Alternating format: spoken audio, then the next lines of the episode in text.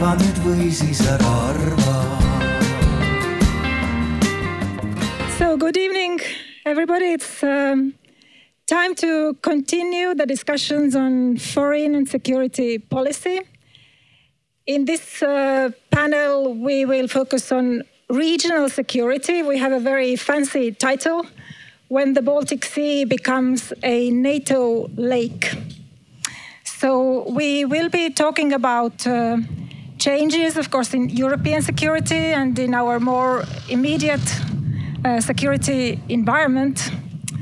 And uh, at this uh, very splendid evening here, uh, we can't, of course, uh, forget that there is a war going on in Europe, not so far from us, and it has had quite strong Im impact already on uh, security in uh, the Baltic Sea region.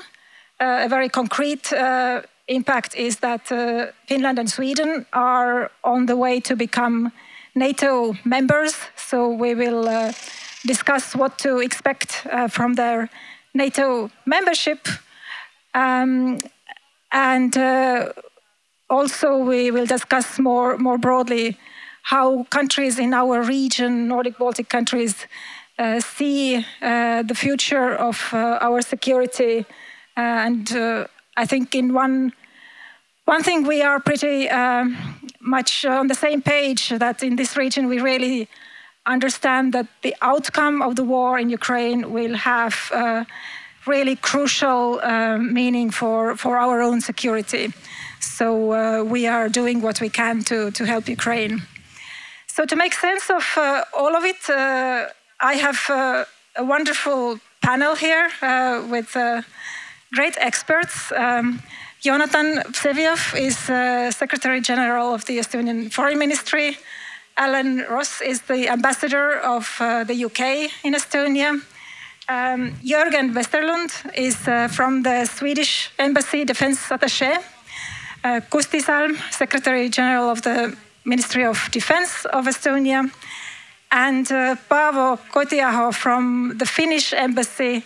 Unfortunately, the ambassador of Finland could not be with us, but we are very happy to have uh, Paavo here to explain uh, the Finnish views. And uh, my name is uh, Kristi Raik. I'm the director of the Estonian Foreign Policy Institute at the International Center for Defense and uh, Security. And it's uh, really my pleasure to moderate uh, the discussion.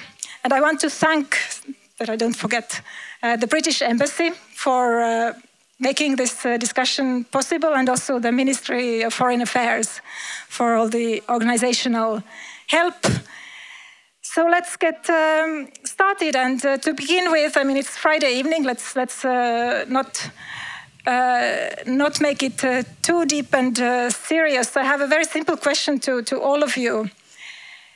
When did you actually start to believe that Finland and Sweden will apply for NATO membership? Like, what what was the moment, and and and why? Why would you say so? To start with the Finnish uh, view, Paavo. Thank you very much, Kristi. Um, first of all, thank you for inviting us also to this panel.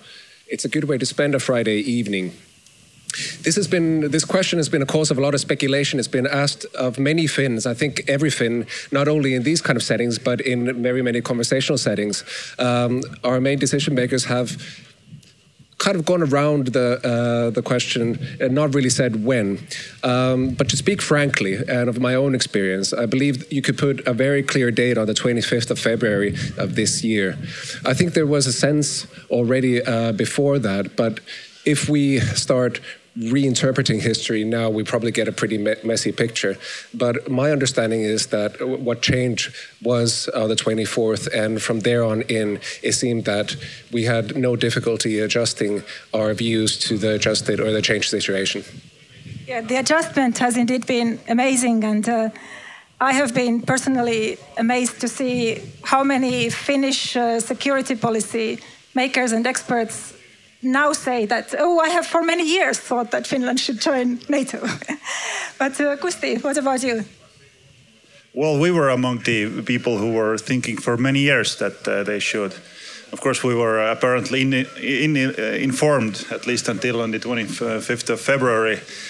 Uh, but for me personally, um, I think the moment of uh, the clarity came uh, somewhere in the mid March, uh, where we had exhausted most of the, let's say, high level strategical levers of influencing Russia, like uh, sanctions and condemning everyone and uh, starting with weapons aid and all this, then strategically the next thing in the list seemed to be to getting Finland and Sweden into NATO.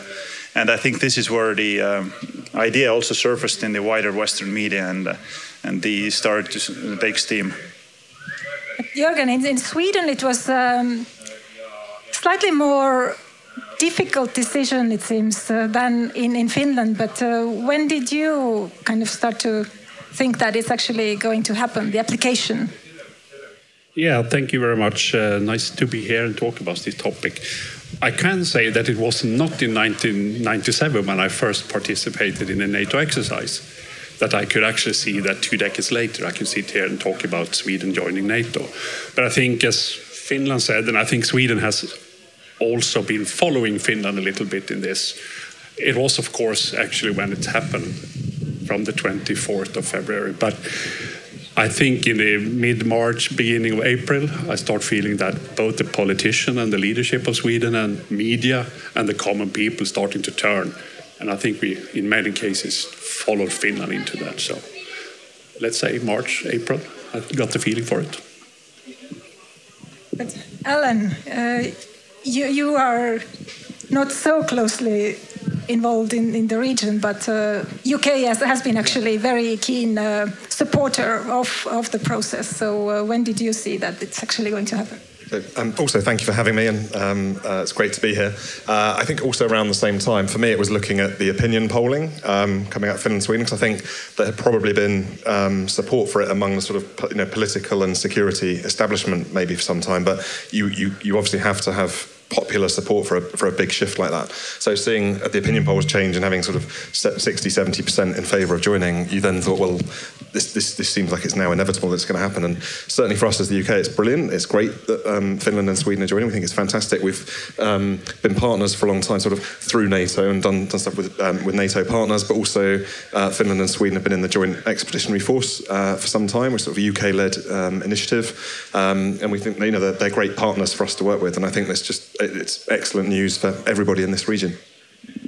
Yeah, before I turn to, to Jonathan, I, I want to uh, bring in uh, one more specific moment uh, from my point of view in this process, and that was the New Year's uh, speech of the Finnish uh, president, uh, Sauli Niinistö, which actually um, made many people also in Estonia speculate about whether Finland is now about to, to um, pursue NATO uh, membership. But certainly, what was um, very clear was that the Finnish reaction to the proposals that Russia made in, in December was, I think, clearer and stronger than uh, of almost any other country. That Finns really got it that this is very serious threat to our security policy. It kind of questions the fundamentals of our security policy. But uh, Jonathan, how, how do you see the process? When, when did the Finns uh, make up their mind? So, well, first of all, thanks for having me as well. It's great to see good friends here. Um, the problem with having five people, five like minded people on a panel, is that you'll end up getting the same answer five times um, over and over again. Because my timeline is the same. It was roughly um, at around mid March, I remember vividly a, a particular meeting when uh, when I yelled out, you know, by next Wednesday, Finland and Sweden will will be in or will be applying. It obviously wasn't by next Wednesday because these things take time, uh, but that was roughly the the moment when I um, when I felt it would happen. But I'll need to give you a, a bit of a, a background story on this because it's it's really something that is vivid in my memory from the early days of the war. You know, for years, at least we here in Estonia, certainly in the Estonian security policy community have been working to achieve things in NATO that seem uh, impossible. Uh, I remember back in the day we were talking about the importance of defense and deterrence. And even within NATO, you couldn't really use the word deterrence. It came across as too Cold War too harsh. So we talked about uh, assurance and reassurance and things like that. So we in Estonia, at least, are used to things changing and changing for the better. We are talking about deterrence and defense today, but usually this change takes place over a period of years um, and years. What happened on February 24th made these processes faster. Unspeakable things, unspeakable things became discussion topics by the next day and done deals by the day after. These sanctions packages, the mother of all sanctions that had been coordinated amongst the big countries, the G7, the others, was rolled out immediately after the beginning of the war, and then we added a second round, a third round, a fourth round. How come? Well, there was no consensus yet before the war on the second round, the third round, the fourth round. And even smaller things, sanctioning certain um, particular individuals, for instance. Unspeakable on a Wednesday, a discussion topic by a Thursday, and a done deal by Friday. So that was the context in which I yelled out that the unspeakable, unthinkable, Finland and Sweden applying, would happen by next Wednesday. It didn't by next Wednesday, uh, but it happened, especially in the early months of the war, as things were still sort of moving around. Uh, people were still wrapping their heads around what had happened. These things happened fast. The, the, the final thing, and I'll, I'll stop monopolizing the, uh, the discussion then. I, I'm sure the questions will go that way but it's not a done deal before it's a done deal. That too is an important point to be made. It's not a done deal until all NATO allies ratify the Washington Treaty. Yes, of course. Uh, we'll get back to that uh, later. Uh, but talking about uh, big changes, and indeed, uh, there have been many of those uh, in the past six months, and many analysts speak about a turning point in European security. We are at the moment where an era is about to end and a new one is about to start. Uh, we can't quite see yet what it is going to look like. Uh, but um, Jonathan, how, how, what are your, your expectations for this uh, new era? Um, this is a very big question, of course. But uh, what is what is going to be different? Everything will be different. Everything. The Ukraine that went into this war is different Ukraine than the Ukraine that comes out of it. The Russia that went in is going to be the different a different Russia from the Russia that emerges from it. The European Union will be different from the European Union that went into it. NATO will be different. I mean, we're already different. Ukraine is already different. But once this war stops or is ended, uh, things will change that will be fundamental in nature. And not just the players on our continent, perhaps on this planet, but also the rules by which the game is being played. Um, these uh, core principles of European security, all of which have come now under attack, they will either be strengthened or they will be destroyed. Destroyed, and I'm not using this word easily. Uh, furthermore, uh, this war, the way we behave in the context of this war, will define us as the West. I mean, we talk the talk of the rules based world order, rule of law, democracy, but primarily the rules based world order that we have built and are keen on defending. Well, this here is the test. It will define us in the eyes of the world but also it will define us internally. The way we behave, whether we succeed, whether we fail, this will define us.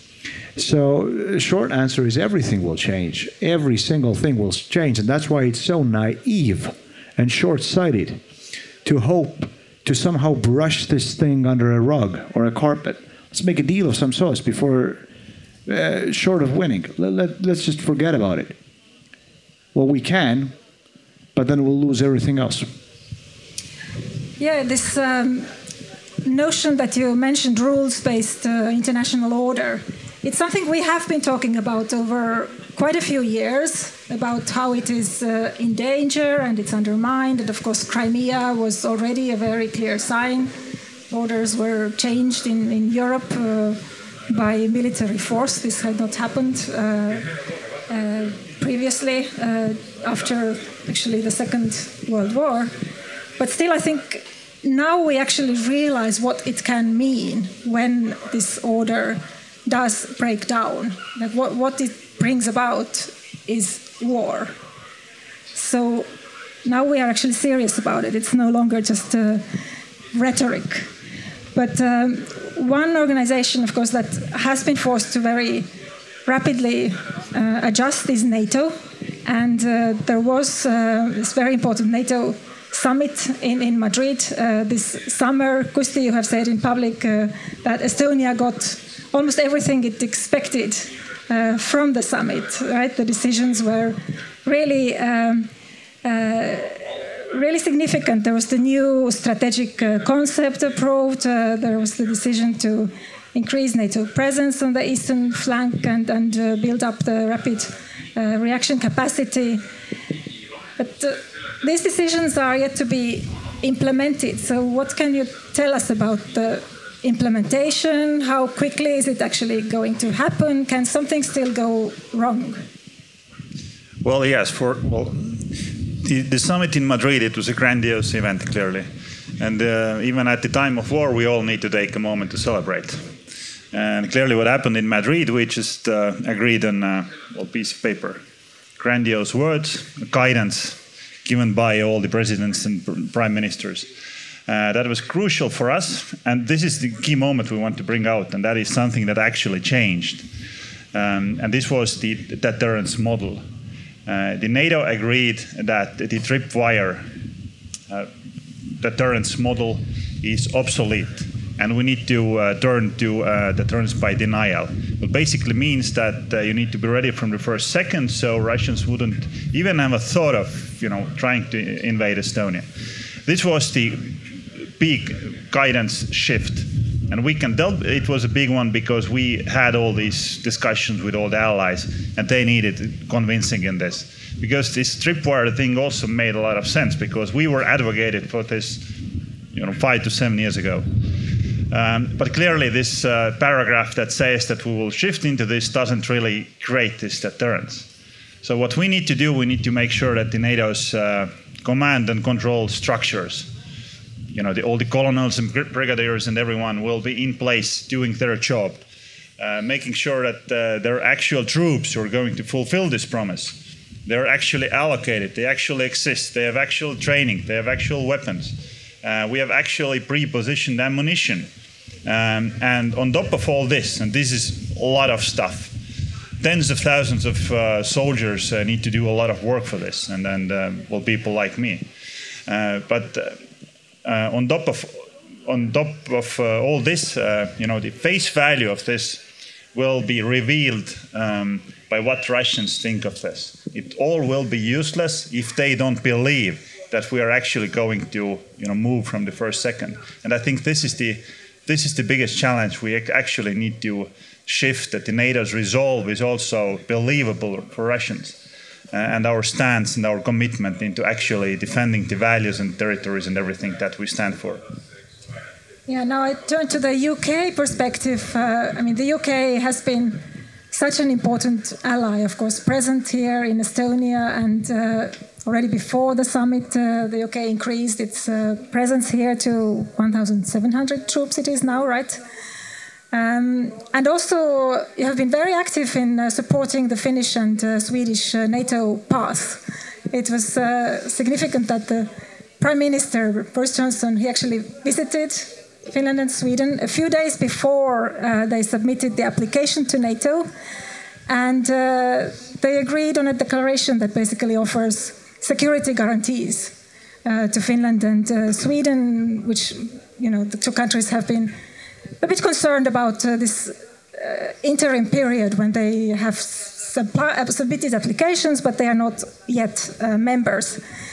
Um, so I don't think any NATO country actually went quite as far in, in offering security guarantees. So why, why is it so important for the UK? Uh, thank you very much. So, first of all, on that, um, there's a sort of prosaic explanation and then a, uh, a, sort of deeper explanation. So the prosaic one is that when we left the EU, uh, we no longer had the sort of common defence guarantee that we would have had with uh, Finland and Sweden as fellow members of the EU. So in a way, we were you know replacing something that had been taken away because of our departure from the EU. Um, that's a very dry explanation. Like the the underlying reason we, uh, you know, Prime Minister Johnson went there and did that was we wanted our allies to feel that sense of reassurance and have him uh, visit in person and know that we would, you know, be there with them. So that, that you know, it's a really genuine uh, feeling behind it, um, but also it was replacing something that, that had gone. Um, I think you always enjoy these panels when people disagree slightly. It's more fun if they disagree. So I'm going to pick up something that Kusti said around the tripwire thing, which is just uh, like some of our troops are at the back of the um, arena here watching, and I know from talking to previous battle groups who've been here that they we never liked the idea that they were a tripwire. It's very difficult to turn around to some of our soldiers and say you're a tripwire, and we've we've never had that view. And actually, the, the EFP, which is here, the one that's set up in Estonia is set up slightly differently to the other EFPs in the region. Um, so it's, it's a very minor thing, but I know you always prefer it if people don't just uh, vigorously agree with each other. But the fundamental point that Kusti made is completely true, and we completely agree in terms of um, strengthening our presence here and our capabilities and having much more deterrent effect. I think our view is we were always ready to defend every inch of Estonia from day one, but it's just that we'll be more capable of doing so in the future because we'll have a you know a stronger presence here. But we but that we it's, it sometimes uh, upsets some of my military colleagues if they hear themselves described as a tripwire because when you start thinking what that means, it's not actually a particularly uh, good concept if you're one of the soldiers who's here. Sure, yeah, you actually got the debate going. So Jonathan wanted to react. No, no, I just wanted to briefly say, Mr. Ambassador, uh, you're a country that has more troops in Estonia than almost anybody, except for one country, that's us. And you said you don't like the tripwire concept, and I agree. We're perhaps the ones who like it even less. You don't want to be a tripwire? Well, you know what? We don't want to be a tripwire. We don't want to be a tripwire. Not a single Estonian soldier wants to be a tripwire, and that's why we had to convince everybody so hard to get rid of the tripwire concept. And what Kusti was saying is not really disagreeing with you. What we now need to do is uh, make sure we implement the Madrid decisions. Because frankly, however bad it feels for EFP soldiers, I assure you, it feels a hundred times worse for us because we actually live here. Let me now turn to, to the Finnish and uh, Swedish uh, views again. I mean, you are not yet in NATO, but uh, for sure uh, you have been thinking a lot about uh, what kind of NATO members you will be uh, when you join, and then what kind of NATO you, you wish to see then. Um, but my, my question, maybe to Paavo first. So, uh, how, how, will NATO membership, assuming it uh, will actually happen, uh, and we all believe it will, um, how will it uh, change uh, the Finnish security and defense policy? Thank you, Kristi. Um, I think you may have asked that question because you kind of had in mind what I wanted to say in this matter. There is um, a lot of talk about change uh, and for very good reasons. But I also maybe wanted to point to a couple of points of continuity, especially in Finnish security policy thinking. And these are message, messages my ambassador wanted me to convey today. And the mic closer. Thank you very much for that point. Um, goes without saying that there will be a number of changes, but goes without saying at the same time, for those of us at least who have been following uh, security policy, that this is not something that came uh, as that much of a surprise, even if it might to some seem as unthinkable or unspeakable at the time. Um, if we go back even further than the last 30 years, looking at the 1940s and the years that uh, followed there, thereafter, there was a time where we had to take specific measures after the Second World War uh, because Finland was under very large uh, duress. But if you look at then the couple of decades thereafter, there was no question in Finnish security policy thinking where the threat was coming from. If you look at our military posture at the time, it was evident that it was the Soviet Union that was the threat that we were preparing for. And if we look at the way in which uh, Finland consistently then prepared for that, uh, and then continues to prepare that, and that also still now is a cornerstone in our national defense thinking. I'm talking now about our national defense capabilities. Uh, we can see that there is a sort of kind of uh, continuity which is going to continue even when uh, the membership process hopefully then uh, gets finished. Um, so that's the first point. Then, if we look at um, Finland's relationship with NATO, 94 with the Partnership for Peace, enhanced uh, opportunities uh, partnership. There is a level of interoperability which we already have in that sense. So if we ask the generals, for example, who very uh, thankfully already know each other across the, uh, the, the Gulf of Finland, for example, and in many other countries, in that sense, I believe that they would say that we're pretty much ready in many senses then there's a lot to learn at the same time as well. That maybe goes more to the kind of jobs that uh, I myself do and colleagues in different places in Brussels and so forth. And at this time, I'd like to take the opportunity to thank the uh, ministries uh, represented here in Estonia for their invaluable assistance and guidance uh, throughout the year. It's been honestly very helpful in that way. So, to come to the answer to your question directly, what will change uh, in Finnish national defense? Uh, the cornerstones that Finland will still uh, rely on its own developed national defense capabilities, uh, that won't change. But if before we were thinking that in the case, for example, of a crisis in the Baltic Sea region, we'll be working in parallel with NATO, once we are full members of the alliance, we'll be uh, working together with NATO in that regard. So I believe that would be one of the bigger changes. And should you want me to go further, I'll be more than happy to elaborate. Yeah, thanks. Uh, this was uh, this was uh, pretty detailed. Thank you. And uh, the point to increase continuity, that is indeed uh, important. And actually, NATO has not had such continuity, of course, when it comes to the uh, Russian threat. We remember the post Cold War era when uh, most of Europe uh, thought that Europe was actually not facing a military threat and that territorial defense was something quite outdated, and many countries kind of reoriented uh, their military capability, their armies to, to uh, expeditions uh, somewhere far away. But Finland and Sweden were among the few countries in Europe that maintain general conscription, that main, maintain this thinking that actually territorial defense is needed, and, and uh, we can't be sure that uh, there won't be a threat uh, from our eastern neighbor. So, how about uh, Sweden then? What uh, does uh, Sweden think now about how does NATO membership change your security and defense policy? Uh, without repeating everything that Pavel said, but I think we have sort of a same history or background, even though the proximity to Russia is a bit far away.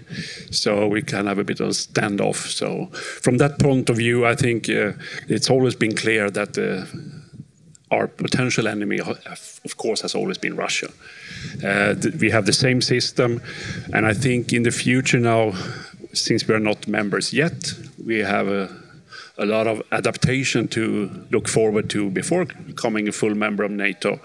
And with that coming, I think Sweden and Finland will take, I think, a great uh, responsibility in the northern part of Europe and then the Baltic Sea region.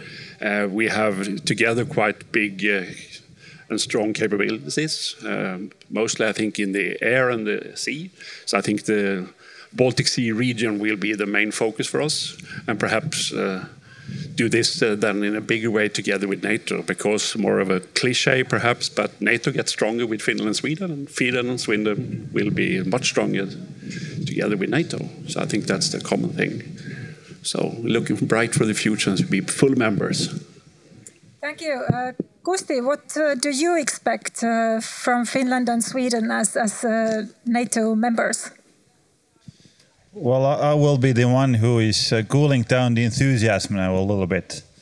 It's all good news. Don't get me wrong. It's you know we have all waited for this and it's awesome, great. We snapped it in the parliament and everything, uh, but it's you know, hardly unlikely that there were policymakers in Stockholm and Helsinki observing the Ukraine war and thought that, uh, you know, NATO has a defense posture problem and we need to go out for rescue.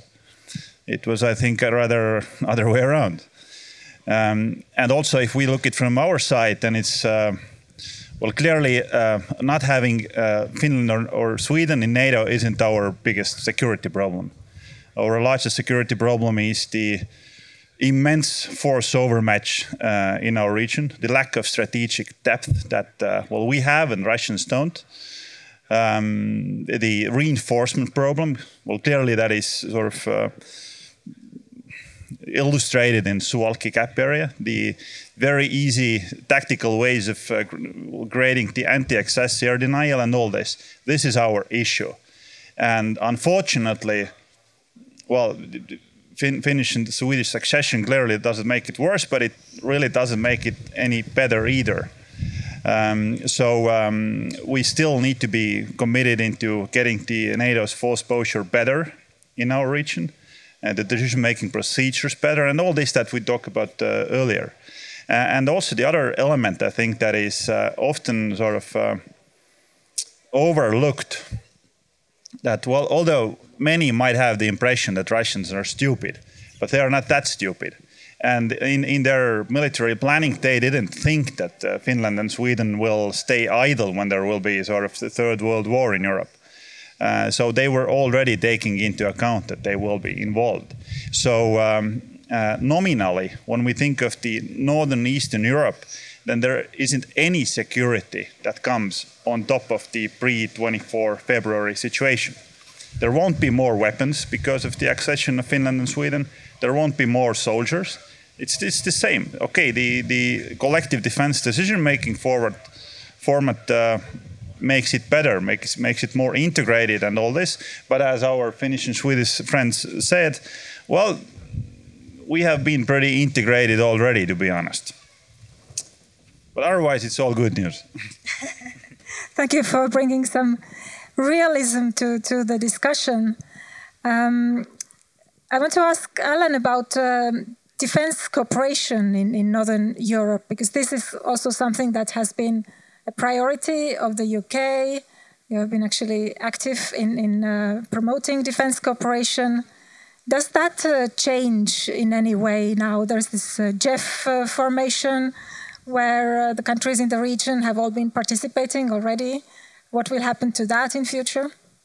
Um, so, a brief explainer for people who are wondering who Jeff is. Um, JEF is a thing and not a person. Uh, so, it's the Joint Expeditionary Force, uh, and it's uh, eight uh, Nordic and Baltic countries, uh, the UK, and the Netherlands. Um, and uh, it's existed for some time. Uh, it, the UK was sort of behind its its creation, um, and I, my my view is that it has just as much value uh, in the future uh, once uh, Finland and Sweden are members of NATO as it did when they weren't. It was it was an, an, a useful thing in the past in, in, a, in a, way of um, bringing in our allies and working together with non-NATO allies. But again, as others on the panel have said, they were very sort of close partners anyway. Um, but the value of the JEF is, I think, it's much more nimble, much more agile um, can respond potentially to sort of uh, more more quickly and potentially sort of lower level threats. Um, and, it, and, its decision making is much more straightforward. So the, basically, the way it works, if, if the UK and at least one of the other countries in the JEF are doing an operation together, that's sort of badged as JEF, and we just go ahead and do it, uh, and none of the others can block that. There, there's no sort of you know we don't have to sit around and reach a consensus. Uh, so I think that's just as useful in the future um, even when all of the uh, the JEF countries are also NATO members. But I mean, I'm interested to hear what the others think. But I think just just as valuable in the future and still has a really important role.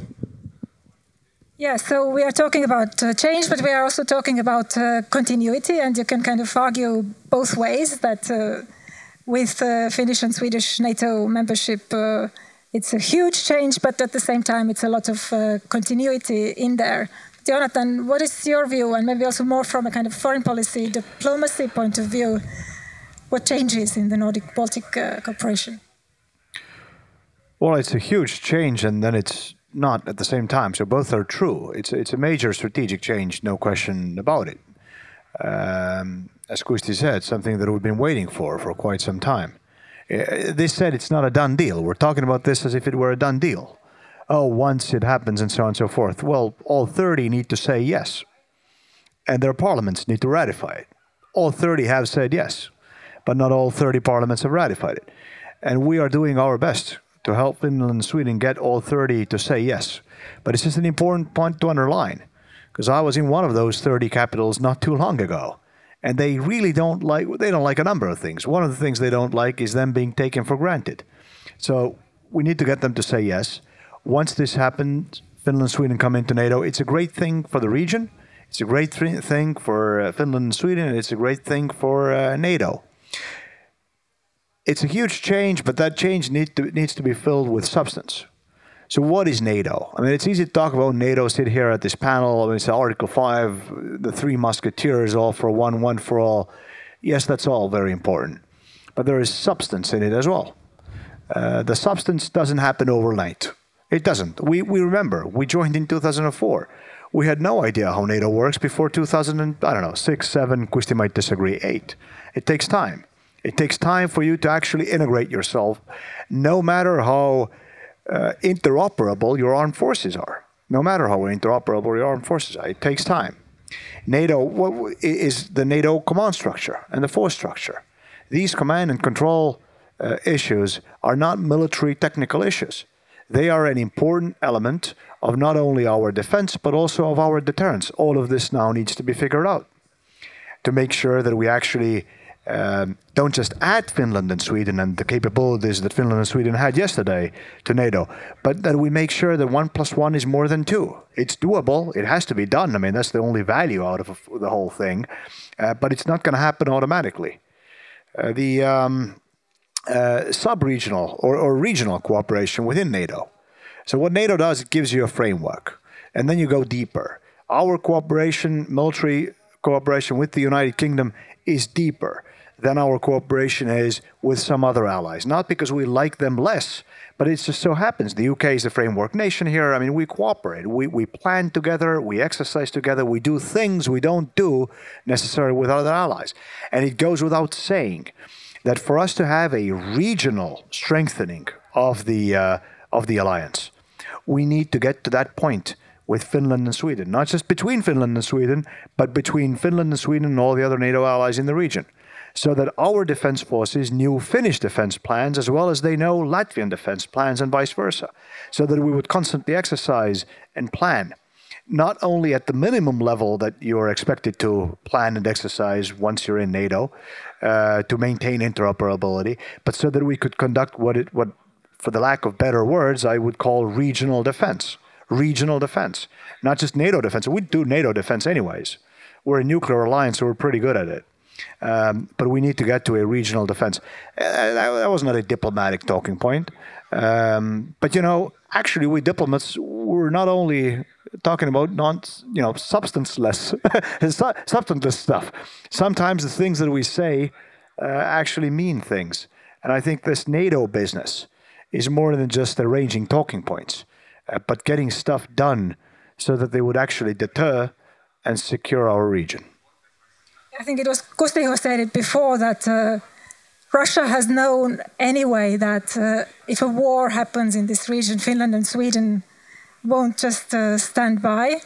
But at the same time, we have not known quite exactly what they would do. So this is something that I expect will change, that there will be much more concrete plans so that we know what Finland and Sweden will do and what we will do uh, together. Um, so how how is this defense uh, planning process going to, to look like? When, when do you get to the, making these uh, plans of uh, Finnish and Swedish uh, contribution? Uh, yeah. Yeah, that plan is, I think it's a bit tricky because I'm not really fully involved in it, but I can at least say that we have a long way to go. And I think one of the parts, and I totally agree with Jonathan, I think at least in Sweden and perhaps even in Finland, we need to have a big change of mind change. I mean, we've been planning our national defense for hundreds of years to be alone, perhaps together with Finland in modern time when we have this common operational planning. But we need to get a step further to do that together with NATO and whole NATO, as you said, uh, all about how do we do this defense planning together. We in Sweden, at least, we have done it ourselves and we have perhaps thought about getting support from somebody else, but we hasn't been sure about it. That's one of the reasons we're joining NATO, that then we can at least have some assurance of having this support. But I think we have a very long step to go, and it will take some time. Military wise, the armed forces, I think both in Sweden and Finland, perhaps not really as easy as just connect and start cooperation. We've been doing exercises, international operations together for many, many years. So I think that's perhaps the easiest part. But all this planning and do it together, the shift from having, I don't know, hundreds of wartime planners back home in the HQ in Sweden. We don't need that perhaps in the same amount. We need to do it together with all the partners and allies in the future. So I think that's a big mind change that need to be done. Yes, uh, Paavo, I think uh, the same issue is very much valid also for Finland, this mindset of collective uh, defense. But in, in addition, um, it's been very frequently raised question in the Finnish uh, NATO debates over the past years that, oh, does Finland then have to take responsibility for defending the Baltic states? Right? And, and it has been really a bit weird uh, discussion, kind of uh, not quite adequately reflecting how NATO works as a collective uh, defense alliance. Uh, somehow, this uh, assumption has been there, at least between the lines, that then it will be Finland uh, taking care of uh, defending the Baltic states. But um, has, where is this uh, debate now, and, and what is Finland actually going to contribute? Thank you very much. Um, I don't know how it is with uh, the other panelists, but sometimes there is a very serious disjoint on the public debate on certain questions related to international affairs, and then the actual working of international affairs, uh, where the things are pushing forward. Uh, before I answer this question, I just want to perhaps touch on the point that Secretary General Vseviov mentioned earlier regarding it not being a done deal. I think it's really important to say out loud that we are taking with the utmost serious, uh, seriousness and severity all concerns of all allies in this process. And you're absolutely correct in saying that not one ally nor their concerns ought to be taken for granted. And I believe that's also the, the line of, uh, of Finland and our highest decision makers. And there will be uh, work to be done. And there have been agreements which have been made which need to be respected and will be respected on Finland's side. And um, in that regard, we're not treating this matter as a done deal, even if Finnish security policy Twitter might be uh, uh, dealing with that issue uh, in that manner. So I think it's just important to say that outright. Um, in terms of then this question about Finland uh, taking responsibility, here again, I'd like to perhaps uh, revert back to what was said earlier. We do not yet have the experience or knowledge of the way in which NATO works in all its details and all its defense planning and so on. Uh, this is a question which has been brought up, brought up, and the, the answer thus far that Finland has been able to give is that when we seek membership, and the commitments that we have made thus far, uh, they, in a sense, do not go any uh, any more beyond the details to saying that Finland will be a good member of the alliance. And committed to the found, uh, foundational principles, uh, including collective security. The details which happened afterwards are those which we will then work as members of the alliance uh, if this deal then gets made uh, at some point in the uh, near or further future. But those details are best left for that point of time, and speculation on the matter will not aid the process, nor, I would believe, the functioning of the alliance. Thanks. So this issue of ratification process has been coming up uh, so many times, and of course I was planning to ask about it uh, anyway. So let's uh, take a bit closer look at that. I mean, on the one hand, we have seen countries competing with each other in NATO as to who is uh, the fastest uh, to, to ratify, and uh, it all looks very good when it comes to alliance cohesion. But then there is a number of countries that have not ratified yet, and and we do expect Turkey to to actually possibly prolong uh, the process, and and uh, Turkey is tying this issue to its own security concerns that perhaps Turkey feels NATO has not been taking seriously enough. So um, how how is NATO dealing with this issue? How how to smooth the tensions there and to make sure it uh, all goes in the right direction, Jonathan? Well, I, I to call them tensions. Um, this is to be expected. I mean, the uh, the Washington Treaty is a pretty basic document. You can go online, you can read it. Even Article Five, the famous Article Five, the text of it is, I mean, it's it's elegantly written, but it's not the um, Magna Charta. I mean, it's relatively short. The substance comes from how we behave and act every single day as allies. And yes, this Article 5 is ironclad talking point. Uh, it means something. Now, it's also true that um, we have 30 allies now um, with the various you know, uh, security concerns. Uh, we would argue that Russia unites us in many ways as a security concern, but geography is still king. Where you sit, where you stand depends on where you sit. You can't change your, your borders. You can't change your location. And those that are further to the south are more threatened by certain uh, scenarios than those situated more to the north. Yet, by signing and ratifying this treaty, what you basically say is that in face of the worst imaginable dangers, you as a sovereign country promise solemnly to send not only your troops, but sacrifice your economy and your population's safety, not for the sake of the concern, security concern that affects you, but for the security concern that affects the other country. You, you, you, you take an oath. And by the way, it's not just a, a polite thing to do. The whole thing comes crushing down for all of us. The first moment somebody serious doubts in this. So uh, these are not tensions. Everybody needs to be absolutely comfortable with this notion of um, additional members joining. They, uh, I mean, we were poked as we were uh, uh, negotiating our way into NATO. Once in, you promise to defend the other one, even if the danger against which you promise to defend them uh, does not affect you.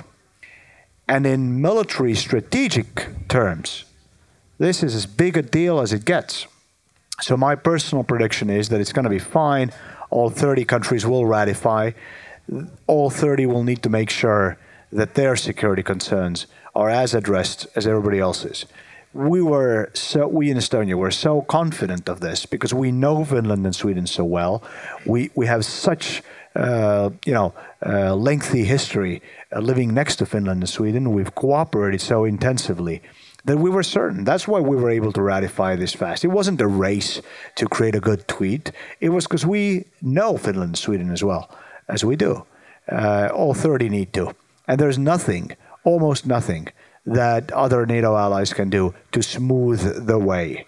Uh, there was this talk that you know maybe the Americans, maybe the Brits, maybe the the big guys, maybe the, the small guys like Estonia, maybe we can do something. No, we can't. Uh, it is a matter that uh, is between those trying to come in and those who are in. Uh, and and this said again, I think it's going to be okay. It's going to be okay. Um, it might be you know slightly lengthier than what uh, the biggest optimists uh, expected, but at the end of the day, I'm sure, I'm sure it's going to be fine. I have to ask also for the Swedish uh, view on this. I mean, did it come as a surprise to Sweden that it happened like uh, this with the Turkish uh, support, and how do you see the way forward? Yeah, I, I think so. At least I was a bit surprised because I didn't even think about it. Because a couple of months ago we didn't have this discussion about joining. So when it actually occurred, it was like, okay, that's a bump in the road. But uh, I agree. It's a long process. It needs to take its time, and it's uh, up to every country. If uh, other countries can support, in this case, Finland and Sweden, fine. But yeah, and of course, all the reasons that has been uh, that I have seen in media, they can differ. I mean, there's a lot of other member countries that also had some initial issues, but I think that's been sorted out. So yes, it was a bit surprising, but I think that's the way it is, and the, the way ahead is is up to every nation and membership uh, states anyway. So, so I want to be a bit surprised, yeah.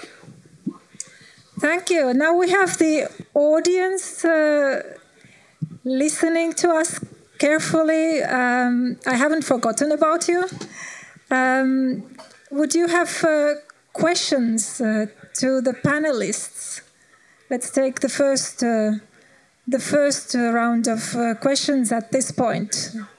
Before I go on with uh, my my list of questions, I see one hand up. I think ah, more than one, three. Okay, uh, somebody has a mic, I suppose, to go around. No. Or you just have to shout.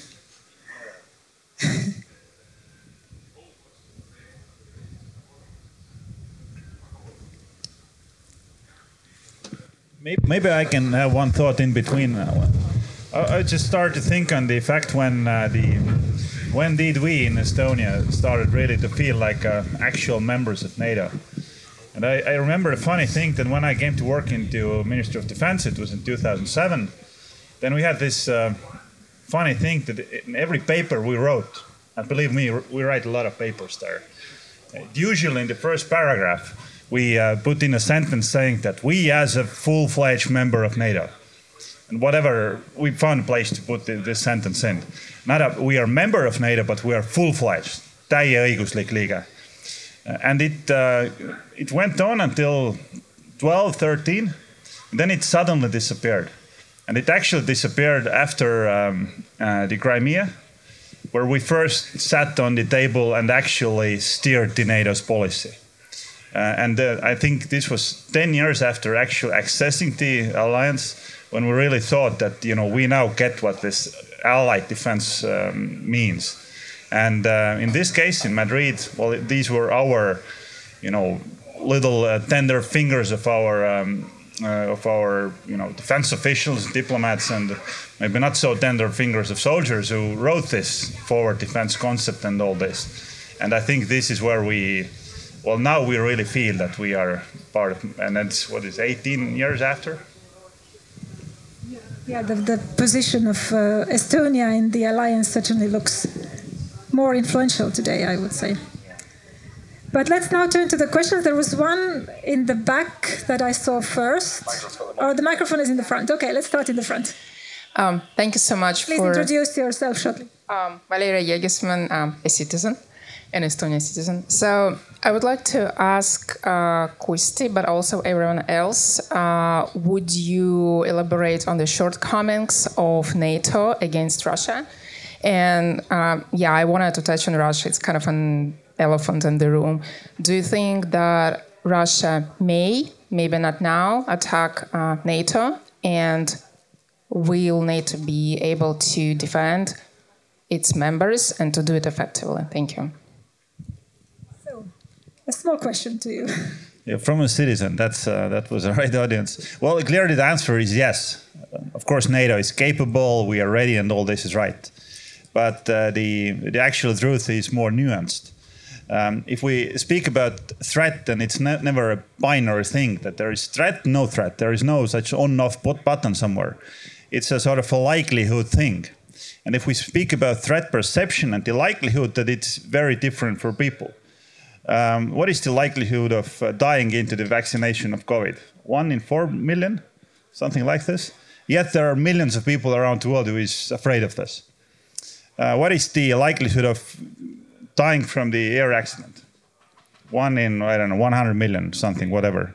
Very very high. There are still a lot of people who are afraid of going into airplane. Now if we speak about uh, the even a theoretical chance of military conflict in uh, well, for example, one NATO member, Estonia, then we can come up with, uh, well, limited amount of scenarios where this becomes very likely. And although we cannot never attribute a concrete number of percentage there, then this is clearly, well, higher than 1%. Uh, and, um, well, this is where our threat perception actually goes into red. We need to make sure that it isn't 1% uh, that it's significantly less. And all the potential solutions are ruled out for any miscalculation from Russian side and all this. And that's why we are speaking about these policy changes, deterrences, uh, command structures, troops, ammunitions, and all this. It needs to be a sort of a 360 degrees uh, picture that is that actually assures this. And eventually, you know, we work in Ministry of Defense. We provide a public service, so it's not a thing in itself. And the public service we are providing isn't, you know, buying weapons.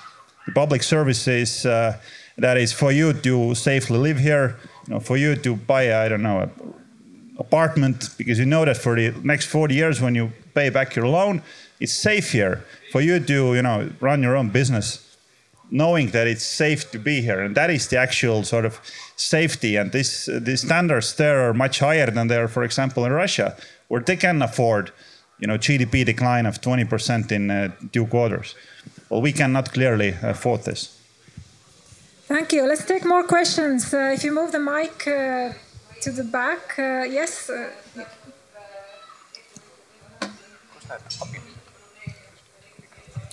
Hi, my, my name is Brit, and um, I have a question.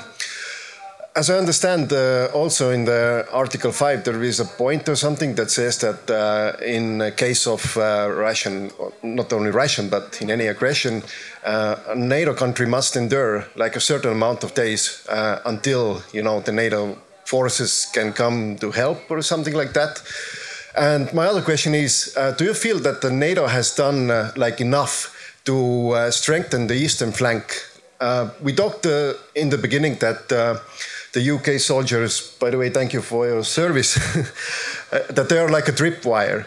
But um, until we have the necessary like firepower and manpower here, it seems like the Baltic states, it feels like at least, is the tripwire. So um, how does it look to you, and uh, how do you see? Is it even possible to achieve this kind of strength? You know, and and, and of course, the first question how long do we have to endure? Also, also the previous questions, I think they're linked. Um, you asked the first part of your question was around sort of what are the shortcomings in NATO, and I'm not going to do a long list or anything like that. But the really obvious one that we've all mentioned is there are 30 uh, countries in it, and it takes potentially uh, longer to get 30 countries to agree to do anything uh, um, than it would do if you were just one.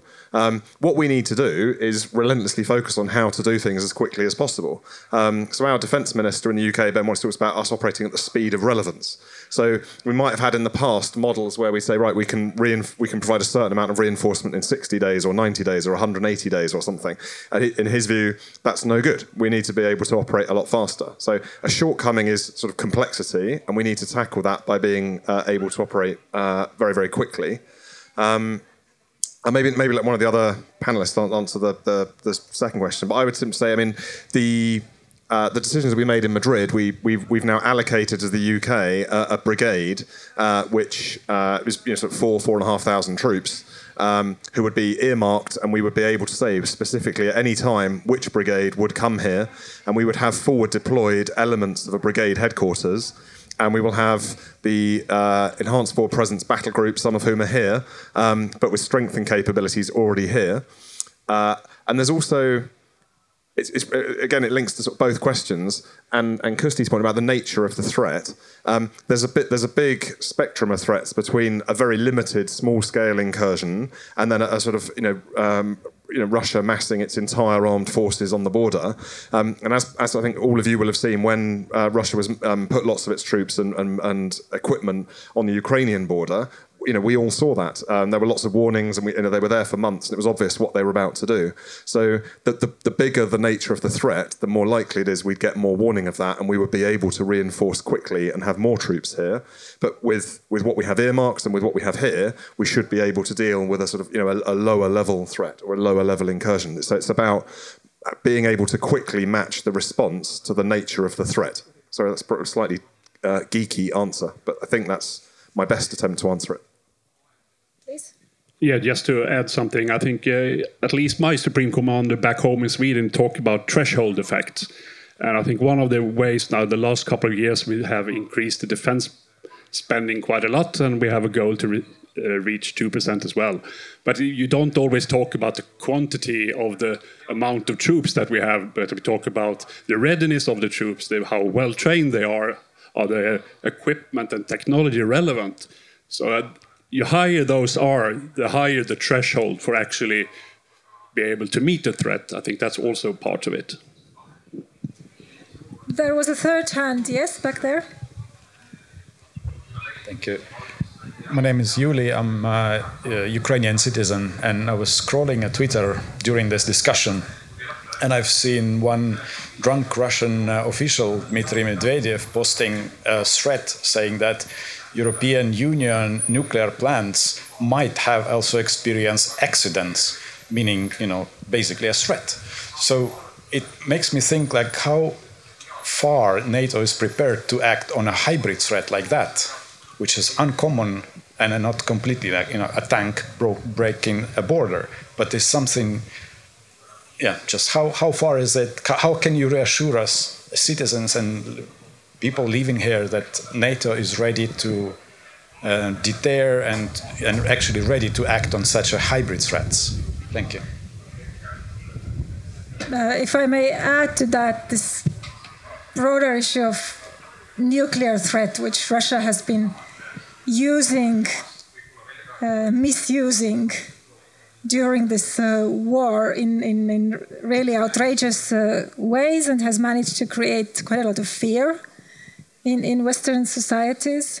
So, how should NATO deal with something like that? Uh, that's a very big question. Well, first of all, um, I can't come. What's the English English term for interneti troll? kuidas see on? kõik saavad eesti keelest aru ju. Uh, troll, noh, kuidas on trollivad internetis? Troll. Troll. That's, that's what it is. Okay. Well, there you go. so it's just to paraphrase a former president of the United States. It's just sad, sad that a major global nuclear power has to use its former president as an internet troll these days. Because that's how they're using him. He was trolling us a few days ago using Dzerzhinsky's, and you all know who Dzerzhinsky is, uh, quotes. Uh, so I wouldn't pay too much attention to all of this. Uh, this is done on purpose. This is done on purpose. Um, yes, partly to confuse us, but primarily to scare us to scare us into believing that they are irrational, that they might uh, escalate into the nuclear domain, and so on and so forth. Now, all of this uh, stuff, as Christy correctly said, is outrageous. In many in many cases, um, dangerous and vulgar. Uh, but we need to keep in mind that it is not an accident that they're doing it. There is a purpose behind this, and the purpose is to scare us, scare us into paralysis, so that we would be so paralyzed by fear that we would cease to uh, support Ukraine and um, conduct the um, policies that we have uh, chosen, the policy of increasing the cost of aggression and so on and so forth. So, what is to be done at the macro level is very important not to be afraid. I mean, all of this stuff is very, very serious. But it is very important for us to remember that we are serious people too. As the French foreign minister, I think now former foreign minister, uh, very shortly said, um, didn't elaborate on this, just, just said NATO is a nuclear alliance as well. We don't troll, our officials don't troll people on Twitter.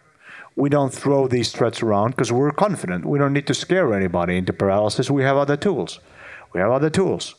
We have sanctions, and we are very confident in our ability to defend ourselves was a previous question on the Article 5. I think you should all go online and read Article 5. It is a very elegantly written um, uh, uh, uh, you know, text. Basically says what the Three Musketeers said.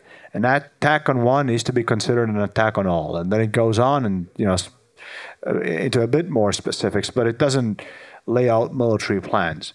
Uh, military plans are laid out in military plans.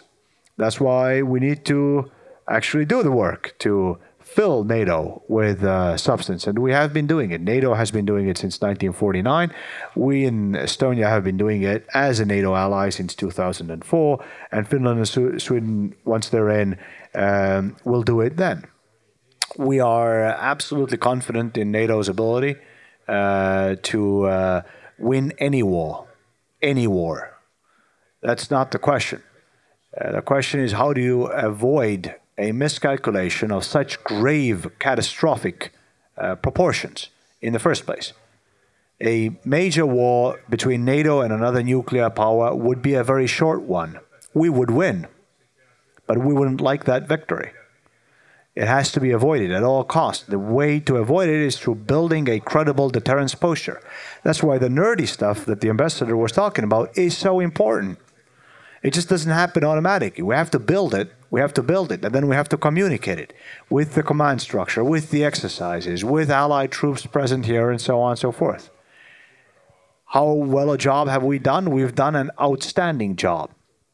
But that is no guarantee that tomorrow will uh, go as yesterday did. Uh, so it's uh, hard work, hard work. Bravo, you wanted. Thank you. Um, there's been a thought that's been in my mind, which have, which has a little bit been troubling me, and I tried to kind of put my finger on it, and I think I've gotten somewhere close. Um, we've talked about what NATO does. Uh, what are NATO's shortcomings? What would NATO do? And I've been trying to think what NATO is. And I'm an international lawyer by training, come diplomat uh, in a later part of my life. So the answer I'm coming to is that there really is not a specific abstract entity called NATO somewhere floating about which does things. Uh, if we look at the international agreements in itself, we quickly realize that the question is about uh, a system of relationships and commitments between sovereign nations. Those sovereign nations being represented by actual people so to simplify, it's by it's a question about how we promise to each other to behave in different kind of situations which are defined in treaties but in this kind of situation we talk about the ex most extreme kind of adversities. I'm bringing this up because this is not the only set of promises that these same actors make to each other. It is not the only place uh, where topics which are relevant to these questions have been dealt with. When we're talking about international nuclear security it's a question which goes beyond this uh, this debate uh, which is being constructed slightly between NATO and Russia it's the interest of the entire global community. There are steadfast rules on which uh, we have built these energy systems, which need to be respected by everybody. And every single member of the international community has an interest in their uh, in their upholding in that sense as well. So that's that is the first point. Coming to hybrid threats, for example. Uh, this also very much holds true, not only NATO, in our region, the European Union, but elsewhere as well. These are questions which need to be considered, and action has been taken. One of the um, silver linings, I believe, of this year, which we've been able to point to at some points, is the speed at which many of those countries which see eye to eye have been able to make decisions to counter the adversity and the attack by Russia to Ukraine. I'm just hoping that that similar resolve can then also be witnessed in other areas of international affairs. Uh, and here again, I'm saying international affairs not in the abstract sense, but in the way in which we make promises to each other, and as Secretary General has said, in the way in which we act towards each other. Thanks. Thank you very much. Uh, I, I, want to dig a bit more on this Russian perspective and pose you a question that I personally find very annoying, but because I have been getting it uh, so frequently in uh, discussions among uh, say, European Western security policy experts, it's something we all need to be ready to, to answer. And uh, it is about this argument that um, NATO has been provoking Russia by enlarging first to the Baltic states, and now you may even make the same claim about uh, Finland and uh, Sweden, that somehow NATO is to blame for Russia being so aggressive. Of course, uh, in Estonia, you hardly find anyone who, who would kind of uh, subscribe to this uh, claim. But um, this debate keeps going on among very serious uh, professional security experts. So, uh, what is uh, your reply? Who wants to start? Kusti? Well, clearly they cannot be very serious uh, security experts when they're making this claim because it's, uh, in substance, it's nonsensical. Um, well, first of all, because NATO members, including Estonia, Latvia, Lithuania, and all the others, are sovereign nations. We do our own decisions, and we are not uh, some sort of puppets of some other countries. That's, that's one thing. That is clearly the, the mindset question. And nominally speaking, um, NATO troops, okay, they are a little bit more now, but EFP was 800 soldiers. 800 Estonia, Latvia, Lithuania, together a little bit more than 2,000. Uh, 200,000 troops under arms, regulars, in NATO in Western Military District only. And we can on go with all the howitzers, fighter aircrafts, anything, force overmatches by the factor of 100 in most of the cases. So it's ridiculous. It's stupid. It's everything, everything that it is. But at the same time, it also showcases that how successful the Russian propaganda is, how successful their narrative setting is, and all this, and how easily we get attracted to these narratives, uh, which at the same time means that. Uh, how less acquainted we are with uh, these actual serious security topics. So we need to do a, you know, quick homeworks very fast. I, agree with that entirely, and I find one other thing that's quite useful is just basically quoting senior Russians back at people. So they can make this claim all they like about it was all about NATO expansion, etc. But when they are making speeches or writing articles, or having them ghostwritten for them, but articles saying Ukraine doesn't exist and uh, we're going to recreate the Soviet Union or Peter the Great's empire, I mean, it's it's obvious what what they're thinking about because they keep telling us. Uh, so that's that's that's one point is to just keep quoting you know their own words sort of back at them. Um, I also think it's important in terms of sort of who is rubbishing some of these arguments, and I sometimes think. Um, that uh, people from like, this part of the world can sometimes do a better job of doing that than us.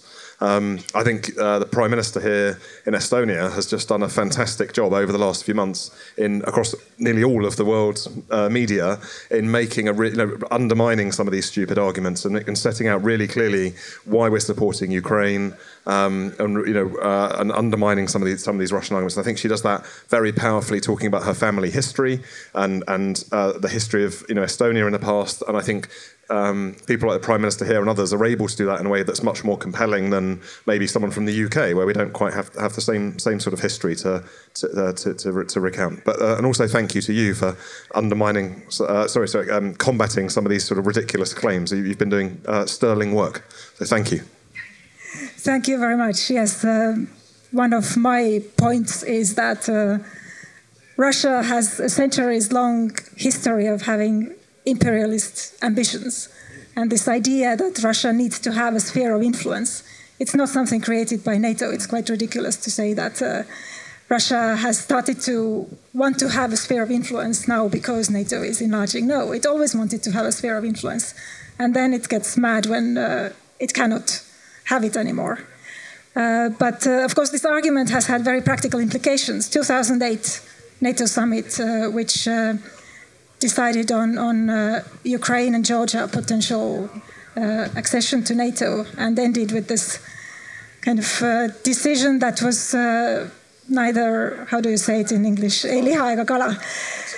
So, neither fish nor fowl. Yeah, that uh, they, they may join, yeah, they will join one day, but they don't get a membership action plan. And so, so um, probably Russia read it as, as, uh, as a sign that NATO is not serious about uh, enlarging uh, to Ukraine. Has this changed now the question of uh, Ukraine one day possibly joining NATO? Has the war changed it? Well, yes, we had a summit in 2008. We also have a, had a summit in 2021. Enlargement was on the agenda of both of those summits. The 2021 summit ended with a NATO consensus decision, which is harder to reach now because NATO has already enlarged between 2008 and 2021. So for all those, you know, fancy social scientists out there, the variables, I mean, it's even harder this time around, right? Yet this time around, there was consensus. Yes, we will enlarge NATO. So it's not the enlargement that, uh, that is at question, is it? And this is basic stuff had nothing to do with the question of enlargement. The question was about where to enlarge. Um, Finland and Sweden, yes. 2008, in the context of Georgia and Ukraine, there was a compromise wording, and the compromise wording is something that we stand by. Uh, I think we repeated the wording in 2021 at this summit, the Bucharest wording. But it did not clearly lead to NATO membership um, yet, because NATO's policy is the same. Uh, the door remains open. Um, I don't know when it will actually happen. Frankly, I don't know. I, I have a hunch on uh, when the Finnish and Swedish ratifications processes are going to be over. I hope it's going to be very, very soon. I think it's going to be relatively soon, but nobody can know it for sure. So clearly, we cannot know it about Ukraine.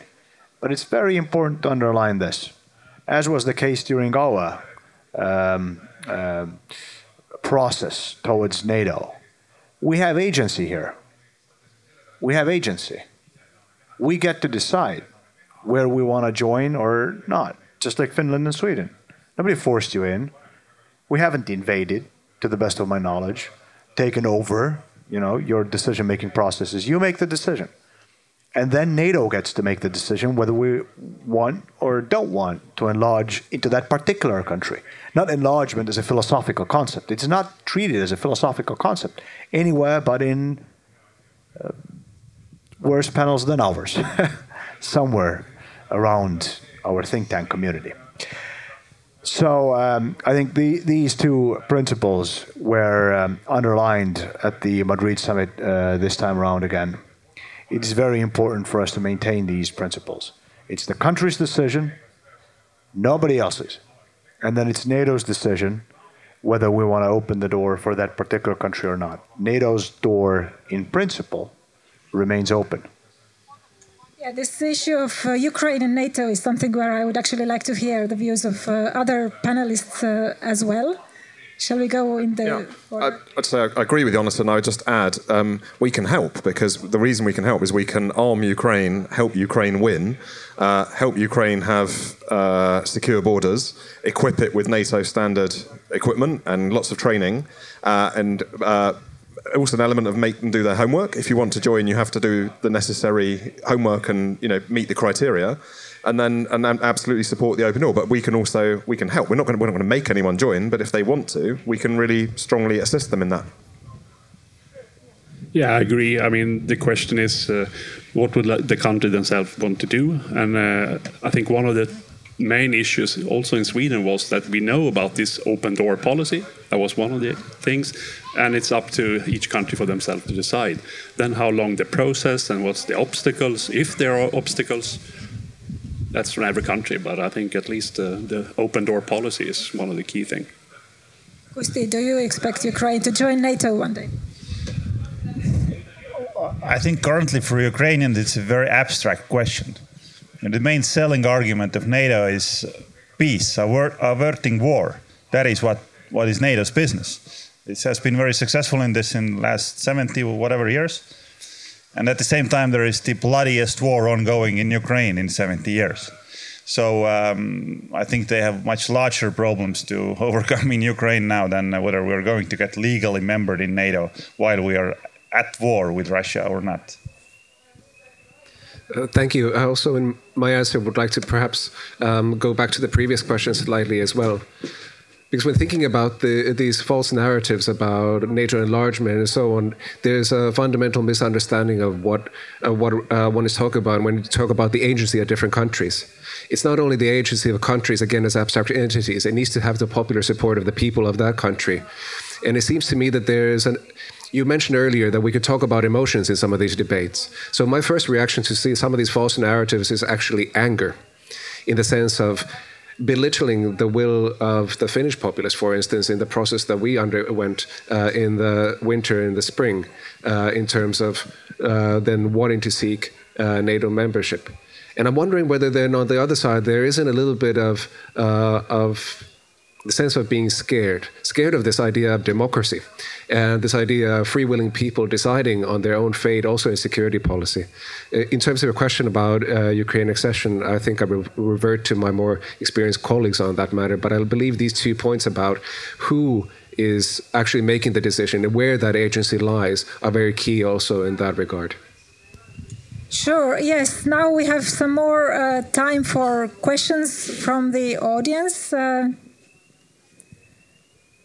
I saw again several hands up. The one who has the mic, you can start.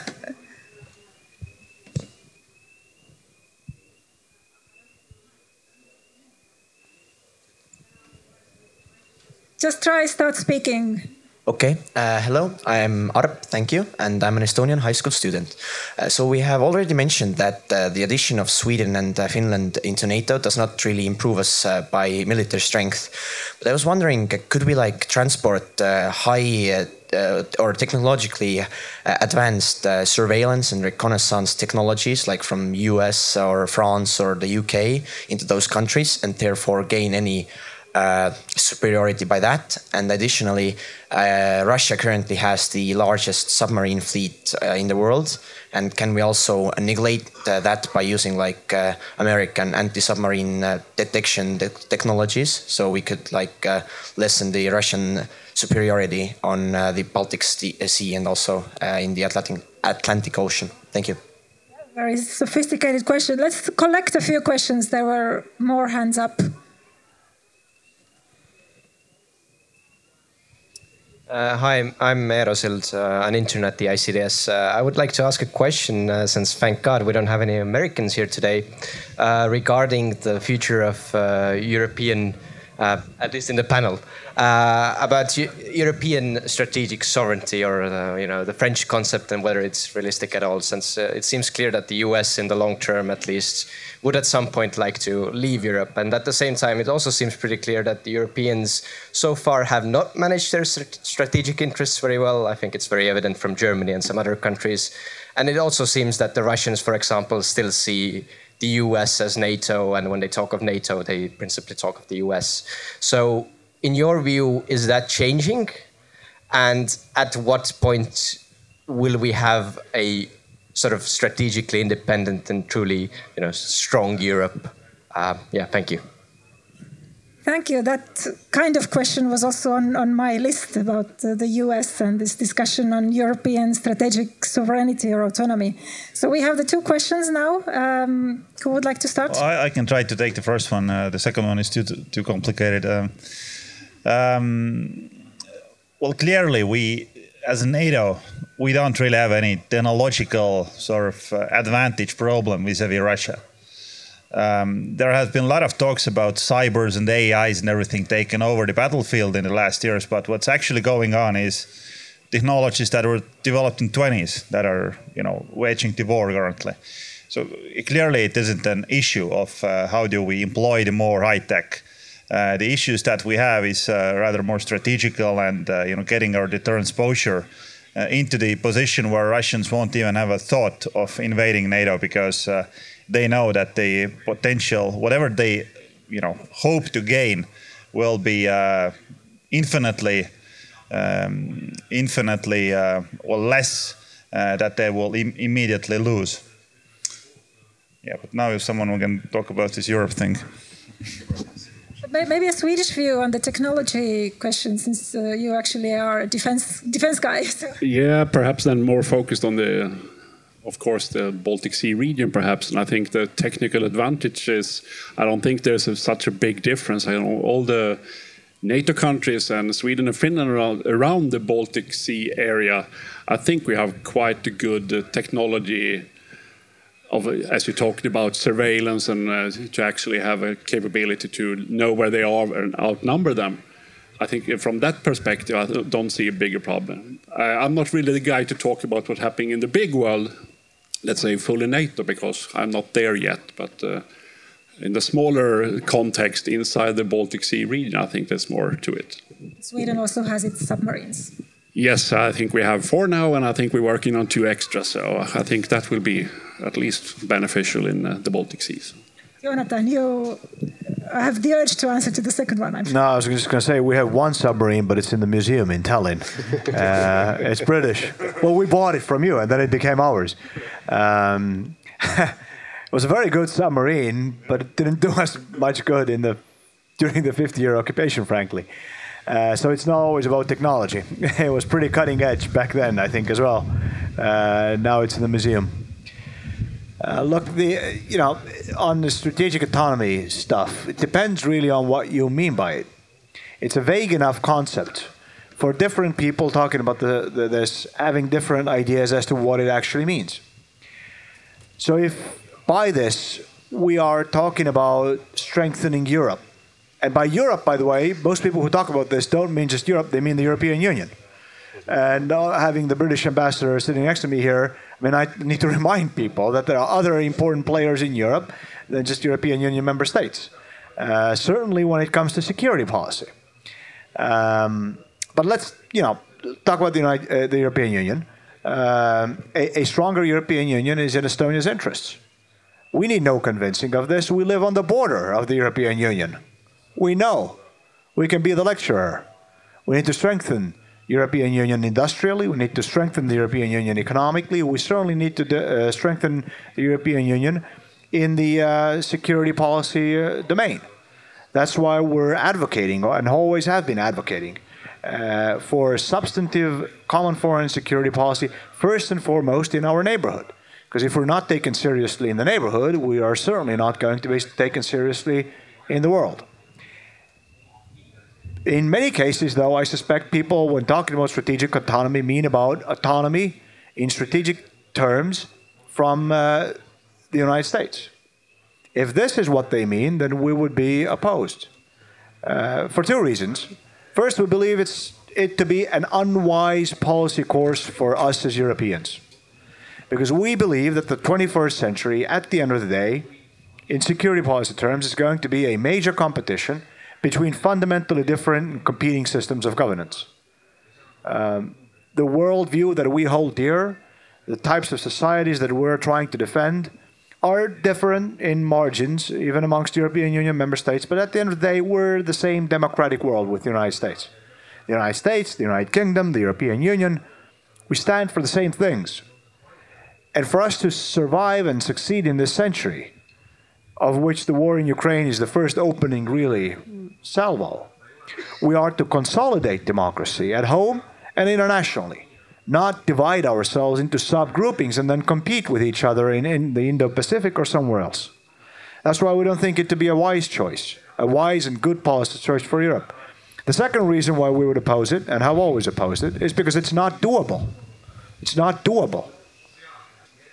Eh, eh, it, one can give a good speech on this, but when it comes to the most strategic of domains eh, or areas in security policy, which is the military defense of European territory, can only succeed through uh, NATO, through the uh, alliance relationships we have with the United Kingdom and the United States, uh, with the troops that we have here from um, the United Kingdom and the uh, the backing of the American military behind it.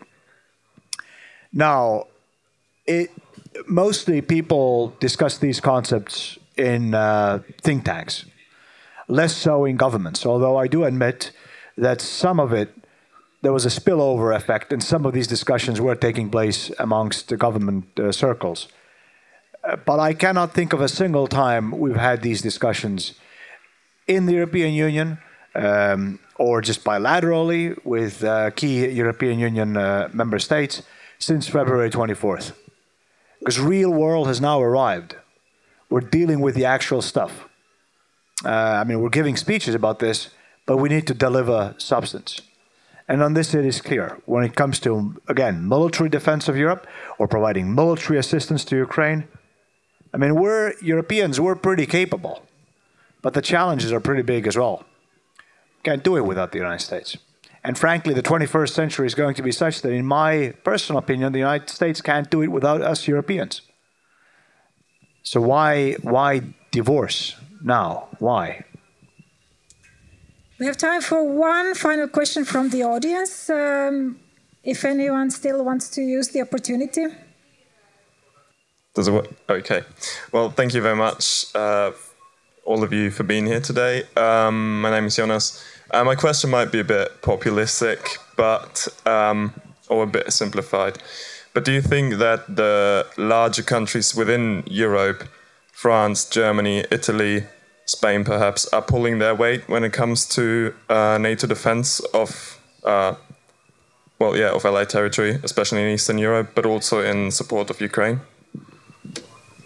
Very comfortable question for a diplomat to answer, right? Who wants to start? Might regret this. No, I'll have a go.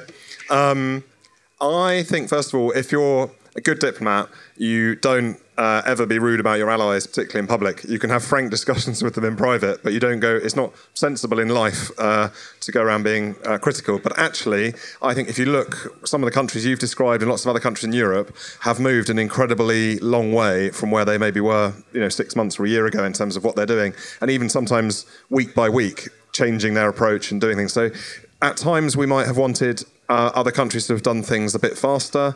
or with you know fewer caveats and you know restrictions attached and so on. But you have to look at the direction in which they're going. Uh, and, and, and what they've actually sort of done. Uh, lo- lots of allies in Europe are now committed to spending a lot more in defence than they were. That's really welcome. I think the, the era when there were only a handful of countries spending two percent is over. I think lots lots of you know the majority will do two percent, two and a half, uh, three. You know we, will we'll see what happens in terms of defence spending. Um, and I think, uh, yeah, lots of our allies have moved in a very positive direction. And I just think it's much better to focus on, you know, the positive things they're doing and keep encouraging them, and not, you know, even if it's tempting, uh, start being critical and saying, "Can you do more?" Because sometimes the boot's on the other foot, and it's it's you know us that's um, delaying something or we're seen as blocking something. And, it, you know, we would much rather people raise things with us in private as well. And overall, I, I think echoing what Jonathan said, I think the, the European response in the current crisis has overall been been very good. We shouldn't you know pat ourselves on the back too much, but but, the response has been quite strong, and we can be quite proud of what we've done together. Um, we just need to you know keep going, do more of it, do it faster. And just very briefly, just a statement of fact. If I'm not mistaken, Kusti, it is the German Air Force that is currently conducting Baltic air policing from uh, Ämari uh, Air Base. Just a fact. Thank you. Well, our time is up, and I think this was a very good point to end with. Uh, that actually the European response uh, to Russia's war against Ukraine has been stronger than probably many of us would have expected. Um, it doesn't mean we can just uh, be happy and relax. Of course, uh, we need to constantly work hard uh, to make sure that Ukraine uh, gets uh, more support and uh, that we do even more for our own uh, defense in this uh, region. But I think we managed to point to quite a few positive dynamics actually in this panel, in spite of this um, very um, serious and, and very bad security situation overall in, in Europe. So uh, thank you all uh, for coming. Thank you very much to the panelists. And uh, let's enjoy the evening from now on.